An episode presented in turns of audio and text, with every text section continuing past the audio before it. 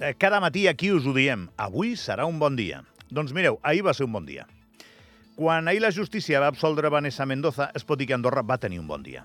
Sé que això és controvertit, però ho desenvolupo, eh? L'activista era jutjada per haver fet unes declaracions molt controvertides en l'àmbit en el que ella es mostra més combativa, la lluita per aconseguir la legalització de l'avortament a Andorra. Les declaracions contenien algunes afirmacions que el govern li van sentar fatal i que probablement i buscant epatar contenien una mica més de pa que formatge. El tema va acabar a la Fiscalia, previ enviament del govern i després acabat en un judici. No cal que ens hi posem més, que més o menys ja sabeu què va. Tema tancat. Vanessa Mendoza ha estat absolta. Per què va ser un bon dia ahir? Us estareu demanant. Ho va ser perquè la nostra antiga democràcia, té segles la nostra democràcia, però el nostre jove estat de dret han d'aprendre a resoldre aquestes diferències deixant a la justícia en pau, que prou feina té. I el terreny de joc del diàleg i la discrepància és prou ample com per contenir la discussió entre Mendoza i el govern. No se'ns trencarà el terreny de joc aquest i l'hem de fer servir. I algú em podrà dir que l'activista es va passar tres pobles en algunes coses que va dir. I jo igual li contestaria que probablement sí, però que per això està la xarxa de seguretat de les democràcies, per seguir convivint a pesar que algú es passi tres pobles sense que per això haguem de fer servir la justícia. I encara més, si ets un govern que està permanentment subjecte a l'escrutini de la gent. El govern es va equivocar apoteòsicament, prou que ho saben, eh? amb el tema Mendoza, i el que ella ha fet després és de primer d'activista.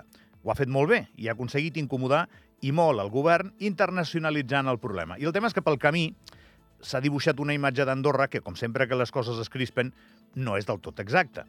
El que no sembla massa intel·ligent és demanar-li a algú que no defensi, que no es defensi quan la portes als tribunals. I Mendoza s'ha defensat aplicant allò que la millor defensa és un bon atac, que també funciona.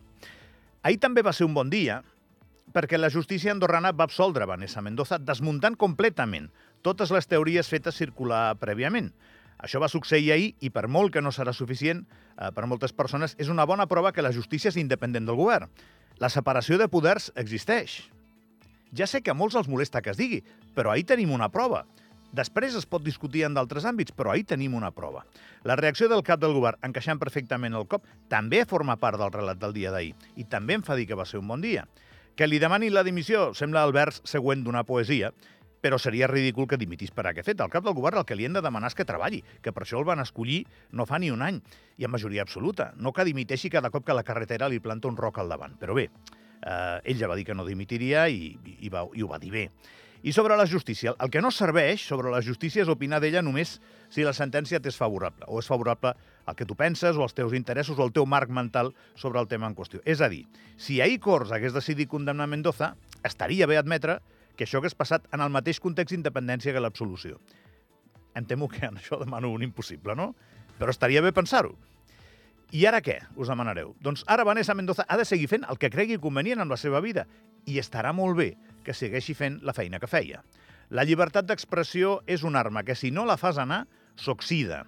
El cas Mendoza ens indica que estem més preparats per fer-la anar del que ens pensem.